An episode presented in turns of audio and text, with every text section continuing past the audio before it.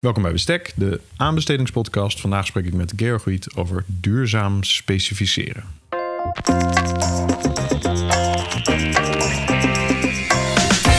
Welkom bij Bestek, de podcast voor de aanbestedingswereld.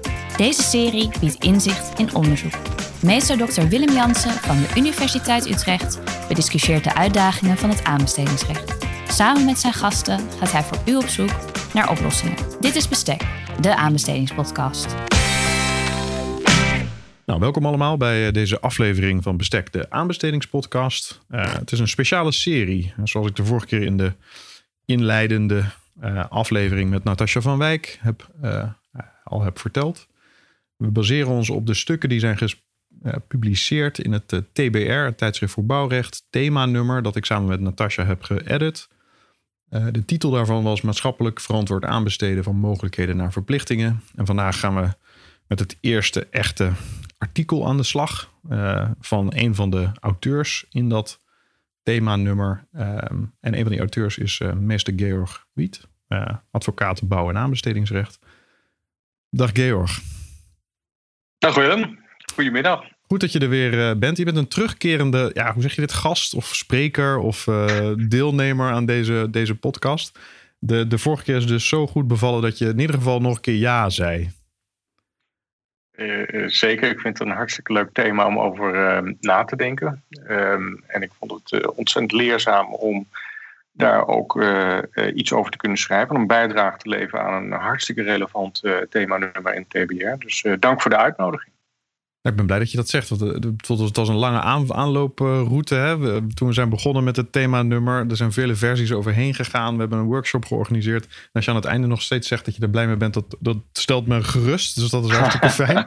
Uh, als editor is dat toch altijd een beetje duwen, trekken. Iedereen uh, op, de, op hetzelfde moment laten aanleveren. Nou, iedereen druk, met drukke praktijken. En waar ik dankbaar voor ben, is dat dat allemaal gelukt is in, in coronatijd. Dus zeker ook dank aan jou daarvoor. Um, dus je hebt een artikel geschreven en de titel daarvan is Duurzaam specificeren met een uitroepteken. Uh, balanceren op het grensvlak tussen duurzame ambities en de beginselen van het aanbestedingsrecht. Als ik gelijk met, met de deur in huis mag uh, vallen, zullen we maar gewoon gelijk uh, starten ehm, en, en de, de, de materie induiken. Je, je schrijft, je hebt jouw bijdrage geschreven over technische specificaties, in ieder geval dat als het startpunt. Uh, en, en je bent verschillende routes gaan bewandelen om dat thema te bespreken. Um, als ik nou gelijk met de deur in huis mag vallen, zoals ik al zei, is hoe effectief zijn eigenlijk die technische specificaties om uh, duurzame doelstellingen te bereiken met aanbestedingen? Nou Willem, laat ik beginnen met op te merken dat um, en te benadrukken wat het belang is van uh, het beperken van milieueffecten bij overheidsaanbestedingen. Dat, nou ja, dat heb je natuurlijk ook al met uh, Natasja beschreven en besproken, maar dat is een enorm belang om überhaupt klimaatdoelstellingen te behalen. of het nou Parijs 2050 is of welke andere klimaatdoelstellingen dan ook. Um, en we zien ook uh, eigenlijk in uh, de ontwikkeling van het aanbestedingsrecht, zien we daar ook allerlei mogelijkheden bestaan om die doelstellingen te behalen. Uh, ook in de aanbestedingswet 2012 is in artikel 1.4 natuurlijk opgenomen dat aanbestedende diensten nadrukkelijk aandacht moeten besteden aan het creëren van maatschappelijke waarde bij hun aanbestedingen. En uh, wat mij opvalt is dat uh, met name in de literatuur, maar ook in de rechtspraak, voornamelijk gefocust wordt op, uh, maar ook in de parlementaire geschiedenis, voornamelijk gefocust is op het bereiken van doelstellingen via um, gunningscriteria. Het zogenaamde beste prijs-kwaliteit verhouding criterium, waar op een heleboel manieren invulling aan kan worden gegeven. En aanbestedende diensten uh, gebruiken die ook. Maar als je dan vervolgens gaat kijken, en dat is um, um, recent nog door um, uh, Schrotanus uh, beoordeeld. Als je dan gaat kijken hoe vaak het wordt gebruikt, ja, dan valt dat op zich wel tegen. met name in Nederland. Nederland loopt niet voorop met het toepassen van het gunningscriterium beste kwaliteitverhouding en de invulling daarin op duurzame thema's. En al helemaal niet op uh, leven gunnen op levenscycluskosten. Hè. Dat is uh, zeker een aandachtspunt. Dus ik ga het daar nog met Daan Verstegen over hebben, die daar een bijdrage over heeft geschreven. Maar dat is zeker een aandachtspunt. Ja. Absoluut. Ehm, het gebruik van dat soort gunningscriteria is natuurlijk makkelijk te meten of te tellen. Hè. Je gaat op Tendernet. Maar uiteindelijk is het ook wel de vraag of, je, ehm, of dat de enige manier is waarop je uh, kan meten of aanbestedende diensten duurzaam aanbesteden. Of aanbestedende diensten in ieder geval rekening houden met milieueffecten bij hun overheidsinkopen. En een heel belangrijk aspect waar dat net zo goed, of in ieder geval op een andere manier ook uh, kan worden meegewogen, is door het technisch omschrijven van de opdracht, het voorwerp van de opdracht zodanig te omschrijven dat daarmee ook um, um, milieudoelstellingen worden bereikt. Is alleen een heel stuk moeilijker meetbaar. Maar in ieder geval, de aanbestedingsregelgeving biedt uh, vele mogelijkheden om dat te doen. Dus artikel uh, 76, uh, deel 2 van de aanbestedingswet. Um, zijn verschillende mogelijkheden opgenomen om um, aanbestedende diensten in gelegenheid te stellen om keuzes te maken ten aanzien van de technische specificaties die zij aan de overheidsopdracht verbinden. Ze kunnen echt heel nauwkeurig normen voorschrijven. Ze kunnen ook heel nauwkeurig omschrijven wat de uiteindelijke prestatie moet zijn van een overheidsopdracht. Ze kunnen uh, een combinatie van beide uh, voorschrijven. Ze kunnen ook nog bijzondere uitvoeringsvoorwaarden voorschrijven. Bijvoorbeeld dat het graven van een tunnel en het wegvoeren van het zand dat daarmee vrijkomt, uitsluitend nog maar door, door uh, elektrisch aangedreven tunneltesla's kan worden uitgevoerd, om maar eens een voorbeeld te noemen. Dus er is een hele grote vrijheid van aanbestedende diensten om uh, door middel van een technische omschrijving of bijzondere uitvoeringsvoorwaarden rekening te houden met milieuaspecten uh, om zodoende te voldoen, uiteindelijk te voldoen aan de ambities die Europa en ook Nederland stelt. Maar aan die ambities, dat is nogal wat. Hè? De, volledig klimaatneutraal in 2050 of in 2030. Ik bedoel, de doelstellingen verschillen nogal. Um, ja, wat ik terughoor is eigenlijk ook een van de conclusies die je, al, die je trok hè, in je ik weet niet of ik nu de punchline weggeef, maar ik geloof dat je het eigenlijk net al zelf zei. Hè? Je, je, concludeert in jouw artikel een breed palet van mogelijkheden bestaat er om aspecten van duurzaamheid te betrekken bij de specificatie van de voorwerp van de opdracht. Nou, die staan inderdaad in 276, hè? die drie smaken, gedetailleerde specificaties, prestatie-eisen of een combinatie daarvan. En natuurlijk ook de bijzondere voorwaarden die je noemt. Om nog toch nog even terug te gaan naar die effectiviteit. Hè? Um, wat, ik, wat ik interessant daaraan vind is uh, zeker als je het hebt over de, de, de discussie of er nou voldoende duurzaam wordt aanbesteed, is dat vaak eigenlijk de technische specificaties worden vergeten. Hè? Dus wat je net al aangaf, wordt veel gefocust op duurzaamheidscriteria. Maar uh, zeker uh, in, in, in, deze situatie wordt vaak de laagste prijs is de boeman. Hè? Dus de laagste prijs, als, dat, als, als we dat zien langskomen, is eigenlijk snel de gedachte het is op laagste prijs gegund, dus dat moet wel. Daar moet een prijsvechter bij zitten. Even hypothetisch gesteld. Dat betekent dus dat die waarschijnlijk vanwege uh, het afsnijden van, van bochtjes uiteindelijk in het productieproces waarschijnlijk een lage prijs heeft behaald, maar daar ten koste van het milieu. Um, wat ik interessant vind ook aan jouw bijdrage, eh, is dat je ook terecht, denk ik, en gelukkig ziet het ministerie van Economische Zaken dat ook zo, in een recente Kamerbrief ook, ook, zegt van ja, het is eigenlijk ook wel. Het kan ontzettend duurzaam zijn om op laagste prijs aan te besteden. Zolang je dan maar voldoende hebt gewerkt aan technische specificaties. En ja. dat is natuurlijk wel, ja, dat, ik vind dat een heel belangrijk. En zeker als je het hebt over, daar ben ik nog benieuwd naar. Je zei het is moeilijk meetbaar uiteindelijk. Misschien dat je daar nog iets over kan, uh, kan zeggen. Um, maar um, het is denk ik een belangrijke kanttekening om vast te stellen ja, als stel dat je nou in een markt zit waar die al A misschien super duurzaam is, hè, dan is laagste prijs ook een optie. Uh, of waar technische specificaties een grote rol uh, kunnen spelen. Ja, als je het bestek helemaal dicht timmert uh, en met alleen maar duurzame technische specificaties. Of dat goed is, komen we zo meteen op natuurlijk. U, wij zien elkaar lachen. Ik, ik, zie Georg grijnzen. U ziet dat natuurlijk niet als u meeluistert. maar ik, ik, ik weet dat, dat daar een mening in schuilt in die, in die glimlach of die grijns. Um, uh, maar ja, dan denk ik een belangrijk, als je het hebt over effectiviteit, want daar vroeg ik naar, denk ik nog een belangrijke kanttekening. Dan zei je net, ja, het is wel moeilijk, uh, moeilijker meetbaar. Zou je daar nog iets over kunnen, kunnen zeggen? Nou, het wordt niet uh, generiek gemeten, laat ik zo zeggen, als iedere aanbestedende dienst uh, een resultaat uh, van een aanbestedingsprocedure zou meten en vervolgens zou publiceren, dan zou dat natuurlijk heel prettig zijn. Ja. Alleen dat gebeurt niet. wat er heel veel gebeurt, is dat op Tendernet wel wordt aangekondigd welke duurzame criteria zullen worden gehanteerd. Die zijn natuurlijk ook wel te tellen en te beoordelen. Um, maar ja, laat ik het zo zeggen, de uiteindelijke effecten daarvan in de uitvoering, die zijn, uh, worden ook niet uh, gemeten. En daarbij komt ook nog eens een keer, ja, laat ik zo zeggen, dat is ook wel een belangrijk punt wat ik uh, heb geconstateerd, is dat met name aanbestedende diensten ook heel erg worstelen met de toepassing van die duurzame gunningscriteria. Het, um, de Europese Comité voor de Regio's heeft in 2018 of 2019 een uh, uitvoerige enquête gehouden onder aanbestedende diensten. En daar met name gevraagd van goh, hoe gaan jullie nou om met de zogenaamde strategische gunningscriteria. Eh, waaronder dus innovatie en duurzaamheid. En uh, het resultaat van die uh, enquête was dat aanbestedende diensten worstelen. En ook het gevoel hebben dat ze bij het toepassen van die strategische uh, gunningscriteria heel erg moeten focussen op de rechtmatigheid van de aanbestedingsprocedure in plaats van op de doelmatigheid van de, uh, van de overheidsinkoop. ook het gevoel hebben dat ze um, het risico lopen, en vandaar die focus op die rechtmatigheid, dat op het moment dat zij um, die, die duurzame criteria voorschrijven en die vervolgens de inschrijvingen moeten beoordelen, dat zij een grotere kans hebben op uh, geschillen. Uh, en om die reden dus de voorkeur geven aan het voorschrijven, het duurzaam specificeren, in plaats van um, marktpartijen uitnodigen om um, in concurrentie duurzame producten aan te bieden.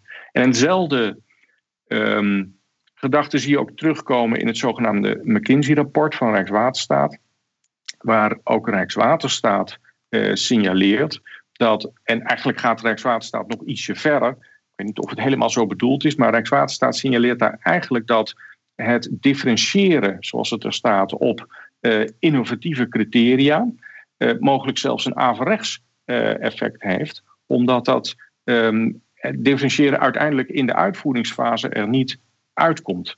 En het vervolgens in die uitvoeringsfase weer heel lastig is om, zeker bij dit soort nevendoelstellingen, de naleving ervan te vorderen.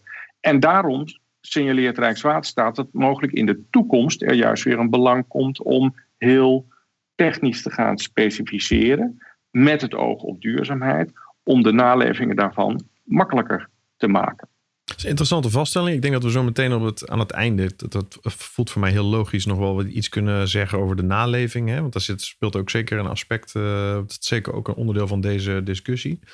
Als je nou zegt dat um, en het, het, het fijne is, uh, Georg, ik heb natuurlijk jouw artikel, dus ik weet eigenlijk al hoe jij over bepaalde dingen nadenkt. Maar ik leg het je toch, uh, toch voor. Want stel nou dat je zegt, op basis van dat comité van de regio's, hè, die, die dan bepleiten van, goh, misschien is dan technisch, technisch specificeren, en Rijkswaterstaat doet dat inherent natuurlijk ook. Toch ook wel weer meer de toekomst, hè, waar we veel zijn gaan kijken naar gunningscriteria. Misschien zien we weer een, een, een weg terug. Er zit natuurlijk ook een risico aan. En dat, uh, dat, dat erken je ook in je, in je artikel. Of vraagt daar expliciet ook aandacht voor. Uh, ja, wat doen we dan met de, de toegang van het MKB? Hè? Uh, jarenlang is eigenlijk beargumenteerd. Timmer die bestekken nou niet dicht. Want dat zorgt voor hoge toe, toe, toegangsdrempels. Hoe, hoe, balanceren we dan aan de ene kant de, de noodzaak voor duurzame technische specificaties. Maar garanderen we toch nog toegang tot het MKB? Nou, laat, laat ik zo eh, dat, dat, is een hele goede. Want als je gaat kijken naar het technisch specificeren, dan geeft dat um, de aanbestedende diensten een enorme keuzevrijheid. En die keuzevrijheid um, die zouden ze eigenlijk kunnen en willen gebruiken, ook als je naar de parlementaire geschiedenis kijkt, om als overheid te fungeren als launching customer of als scale-up customer. Um, waarmee je innovatieve, duurzame producten uit de markt. En het MKB heeft daar een enorm potentieel. Hè. Een hele hoge graad van specialisatie. Natuurlijk heel veel start-ups die met duurzaamheid bezig zijn.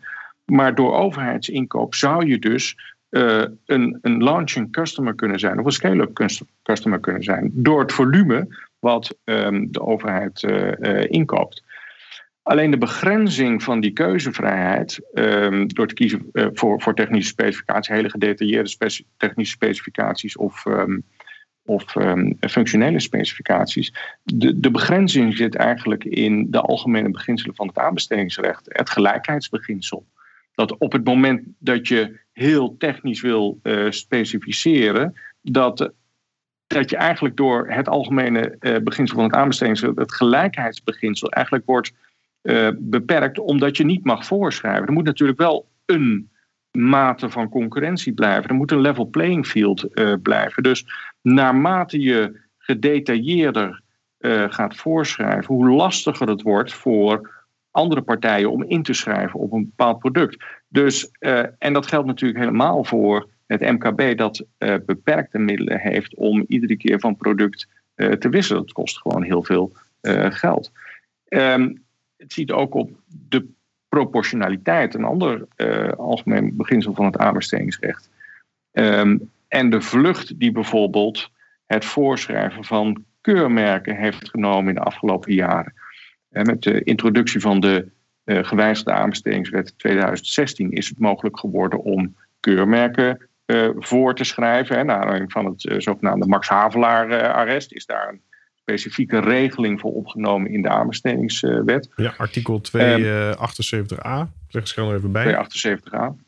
Um, dat voorschrijft dat er keurmerken mogen worden uh, uh, voorgeschreven. Nou, er zit een enorme trits aan voorwaarden uh, waaraan moet worden voldaan. ze moeten transparant tot stand zijn gekomen. Het mag niet discriminerende keurmerken zijn. Um, maar er zit ook nog een proportionaliteitsaspect aan dat een keurmerk niet altijd binnen een bepaald tijdsbestek is te krijgen. En een keurmerk ook gewoon geld kost om uiteindelijk, eh, of hè, dat gewoon geld kost om een bepaald certificaat eh, of een keurmerk te verkrijgen. Ja, um, die aspecten die belemmeren natuurlijk wel het MKB om deel te nemen aan uh, aanbestedingen. Omdat de gedachte is dat grotere bedrijven nou eenmaal makkelijker in staat zijn om die keurmerken te verkrijgen uh, binnen een tijdsbestek dat daarvoor gegeven is of uh, ze regelmatig te gebruiken. Ja, en daarbij komt natuurlijk ook dat aanbestedende diensten um, iedere keer bij iedere aanbesteding, dus elke aanbestedende dienst heeft bij iedere aanbesteding de mogelijkheid om nieuwe eisen te stellen aan datgene wat ze uitvragen. Om de technische specificaties van het voorwerp van de opdracht opnieuw samen te stellen. Ja, dat betekent dat ondernemers gedwongen worden om iedere keer weer te kijken of zij kunnen voldoen aan een bepaalde technische specificatie die wordt uitgevraagd. Um, de terugverdienmogelijkheden die zijn daarentegen heel beperkt. En op het moment dat de terugverdienmogelijkheden beperkt zijn, voornamelijk omdat de duur van een overheidsopdracht relatief kort is, belemmert dat het MKB om deel te nemen aan aanbestedingsprocedures, omdat zij die kosten niet kunnen maken uh, om iedere keer een nieuw product aan te bieden. En daar zie je dus dat, ja, laat ik zo zeggen, de keuzevrijheid van aanbestedende diensten om technische specificaties voor te schrijven, op zich wel een belemmering kan vormen voor het MKB om deel te nemen. Terwijl met de wijziging van de Europese richtlijnen en ook de, de aanbestedingswet, het een nevendoelstelling op zich is geworden om het MKB juist meer toegang te geven tot overheidsopdrachten. Um, en daar ook natuurlijk allerlei maatregelen voor zijn opgenomen om die mogelijkheden te vergroten. Die zijn echter niet altijd even effectief. Nou, dat is het onderwerp van de vorige podcast geweest, aflevering 10 geloof ik. Ja. Uh, ja, klopt. Goed dat je me daaraan herinnert. Ik had het natuurlijk al eerder moeten zeggen, was aflevering 10. Uh, eh, je plugt hem zelf. Ik had hem zelf moeten pluggen. Aflevering 10, waarin we het over het clusterverbod. En de vraag eigenlijk, is dat nou een papieren tijger? Dat was die aflevering waar we het eerder over hadden. Um, wat interessant is, denk ik, om, om hierop aan te vullen, hè, want het is een terecht punt wat je maakt, is ook de vraag, ja, zou het, zou het nou het aanbestedingsbeleid van individuele aanbestedende diensten niet wat consistenter mogen in bepaalde gevallen? Hè? Dus uh, met een beleid zou dat kunnen, onder, kunnen ondervangen om die consistentie af te dwingen. Een alternatief wat ik in, in een eerdere aflevering met Marcel Stuits uh, besprak, uh, uh, directeur van Bizop, een inkoopsamenwerking. Wat je ook veel in het buitenland ziet. Overigens, hè, in Italië en in, um, in, in, landen als Zweden heb je gigantische inkooporganen die eigenlijk alles van decentrale overheden inkopen. Hè. In, in Zweden heb je SKL, een hele grote inkooporganisatie voor, voor lokale overheden. Daar is eigenlijk is, is, is het gecentraliseerd. En het voordeel daarvan is natuurlijk dat je daardoor makkelijker consistent beleid kan voeren in aanbestedingen, omdat het bij één organisatie is belegd. Nou, het nadeel is natuurlijk dat je er wel moet zorgen dat die opdrachten niet te groot worden. Hè. Dan heb je anders weer een, probleem. Als je die, dat inkoopvolume op één hoop gooit, is het alsnog moeilijk om uh, in te schrijven als, uh, als, als MKB'er. Uh, maar dat is een belangrijk punt. Kijk, wat als, als, als ehm, denk ik ook als aspect, en je benoemt dat ook in je artikel, wordt aangedragen, is de mogelijkheid voor varianten om die, die, die toe te staan. Hè? Dus je schrijft voor, maar je biedt mogelijkheden om varianten in te dienen. Op basis van artikel 283 van de aanbestedingswet. Is, is dat een oplossing voor de hele problematiek? Nou, het, het voorschrijven van uh, varianten is in ieder geval een hele nuttige modaliteit om ondernemers uit te nodigen om toch aan de minimumspecificaties van de overheidsopdracht voldoen. Ehm, maar niet op de manier waarop de aanbestedende dienst dat specifiek heeft uh, voorgeschreven. Uh, dus ik denk dat het een hele nuttige mogelijkheid is om ehm, ondernemers uit te nodigen om duurzaam aan te bieden. Lastige van varianten is dat um, je varianten alleen maar in aanmerking mag nemen en mag beoordelen als aanbestedende dienst op het moment dat je in de aanbestedingsstukken heel specifiek hebt omschreven wat die minimumeisen dan zijn. En uh, hoe nuttig het hè, de mogelijkheid ook is om varianten uh, voor te schrijven, te verplichten varianten in te, uh, in te dienen of de mogelijkheid te bieden om in te. Dan zie je dat aanbestedende diensten het buitengewoon lastig vinden om dat minimumniveau voor te schrijven, om de minimumeisen voor te schrijven. En mogelijk ook helemaal niet over de capaciteit beschikken om hè, op het moment dat eenmaal een variant is ingediend, om dat op het juiste technische niveau te beoordelen. Dus wat je ziet is dat waar de wet de mogelijkheid creëert om uh, ondernemers uit te nodigen om duurzaam aan te bieden en tegelijkertijd te voldoen aan uh, technische voorschriften die de aanbestedende dienst eh, zelf heeft voorgeschreven, is dat je uh, ziet dat aanbestedende diensten die mogelijkheid niet gebruiken, daar heel terughoudend in zijn. Ik zeg niet gebruiken, veralgemeniseerd, daar heel terughoudend in zijn.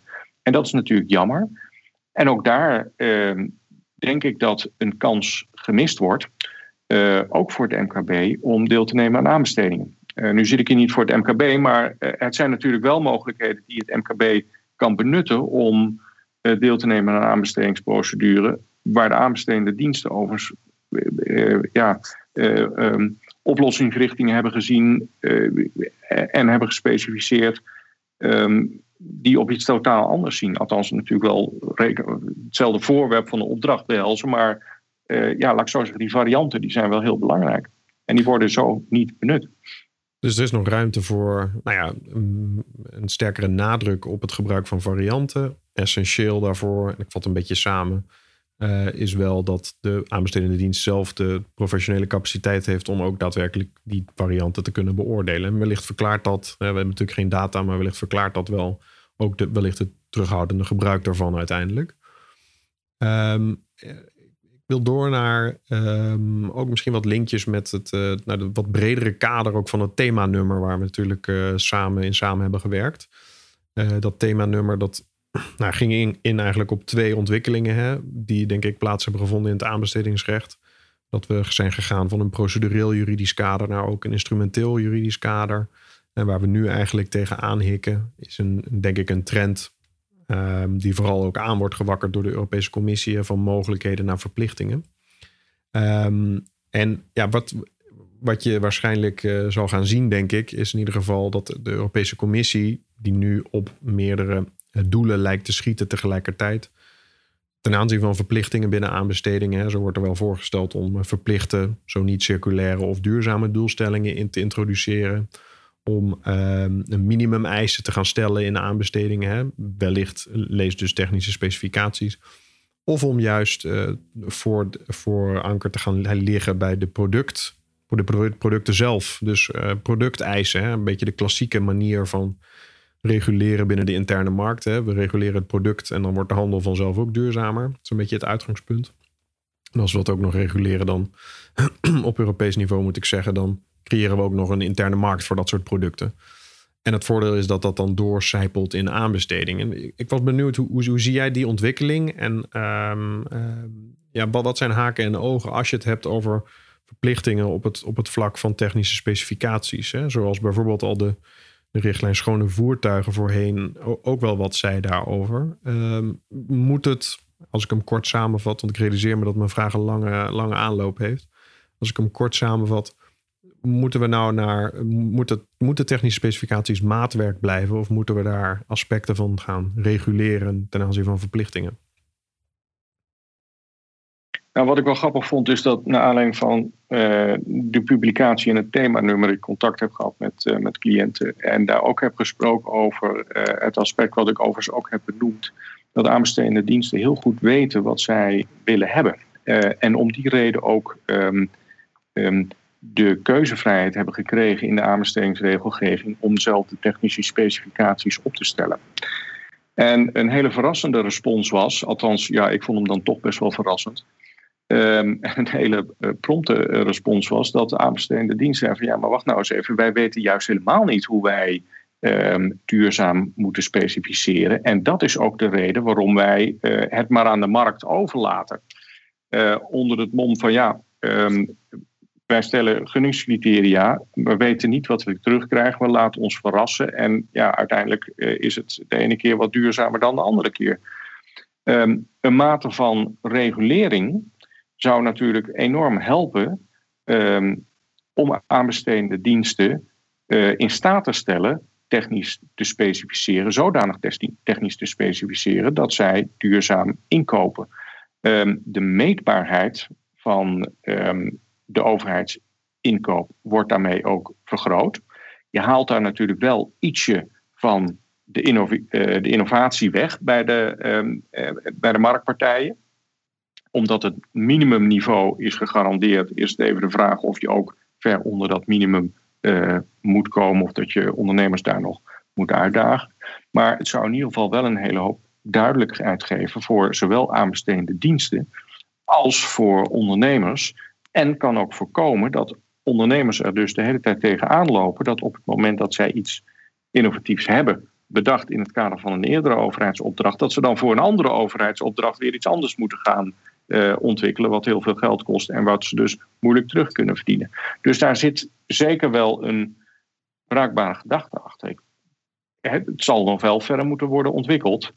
Um, en de effecten moeten in ieder geval zodanig zijn dat daarmee dus ook de doelstellingen worden behaald. Ja, nee, zeker. Dat is een belangrijk aandachtspunt. wat natuurlijk, um, ja, wat denk ik, um, vormt onderdeel natuurlijk van mijn eigen onderzoek ook dit aspect.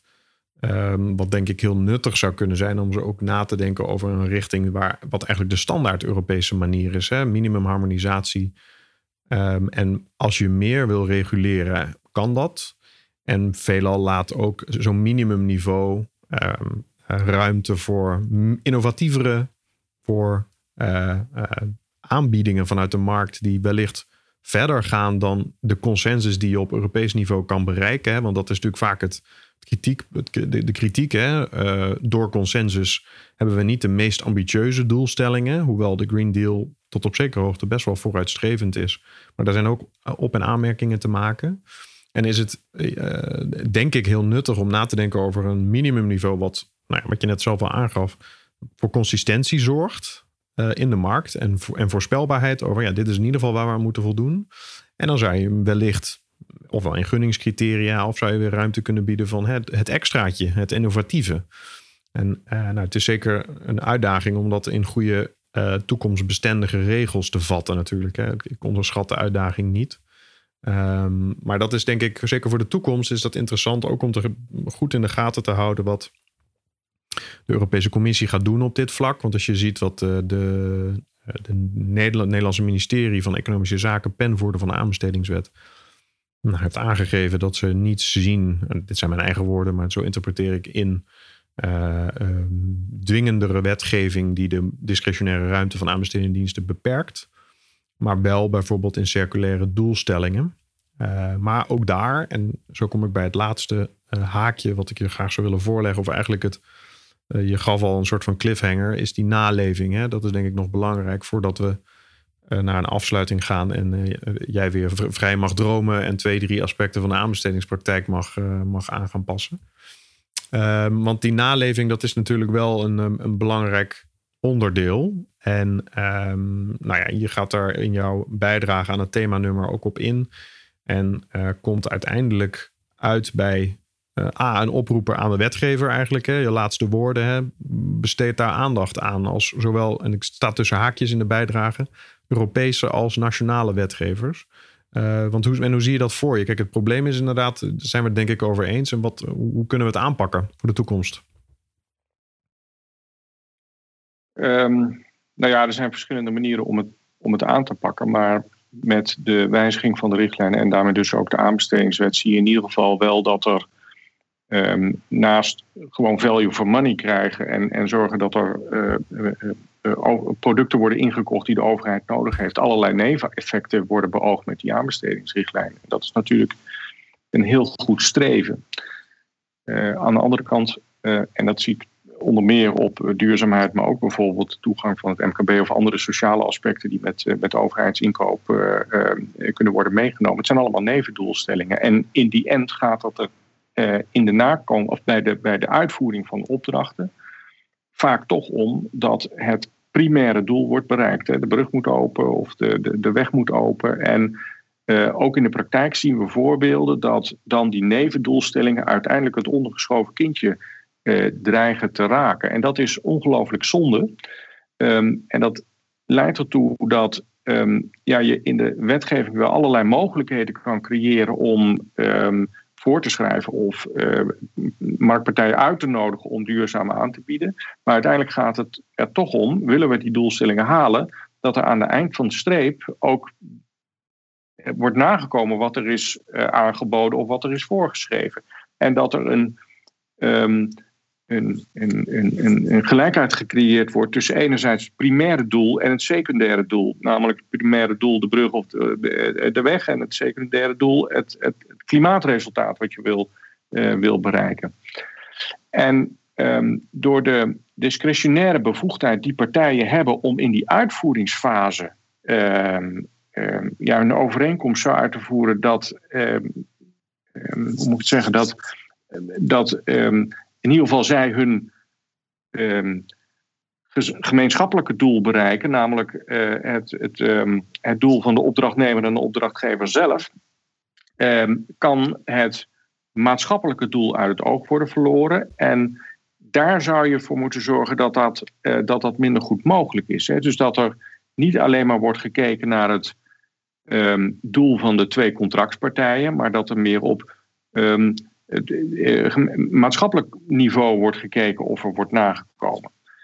En die tools die ontbreken op dit moment.